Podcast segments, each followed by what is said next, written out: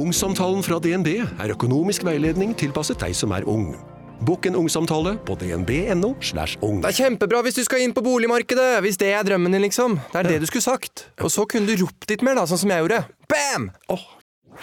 David Bowie, geni og stifinner. I didn't strive for success. I strived to do something artistically important. Her er Finn Bjelke. Sommeren 1972, tidlig i juni.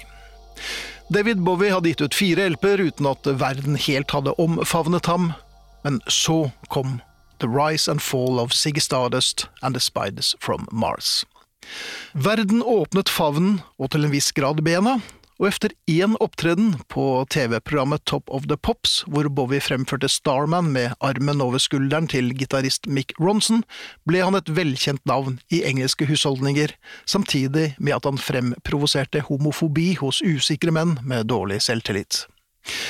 The Rise and Fall of Siggy Stardust and The Spiders from Mars ble David Bowies endelige og ugjenkallelige gjennombrudd.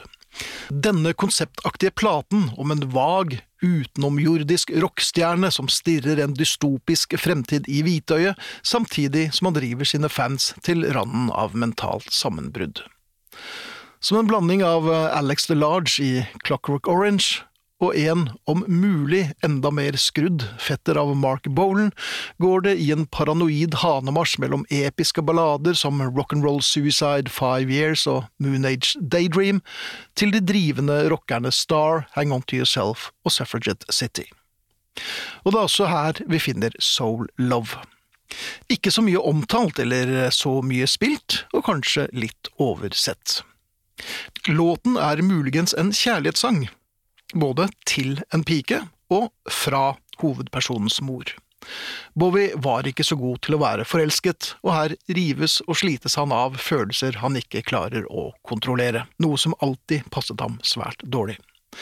Introen til Soul Love med Woody Woodmanses distinkte trommemønster, før Bowies akustiske gitar og Trevor Boulders gyngende bass driver Soul Love fremover, er litt av en signatur selv i Siggy Stardust-universet. Er det en antikrigssang, kanskje? Tekstlinjen A brave son who gave his life to save the slogans kan tyde på det. Men jeg heller til at det er en sang om kjærlighet, og alt det den også medfører av hjertesorg, sjalusi og ensomhet i tosomhet. Og så er den like fin som kjærligheten og dens uransakelige veier, for som David Bowie synger i Soul Love, Love is careless in its choosing, som jeg savner ham.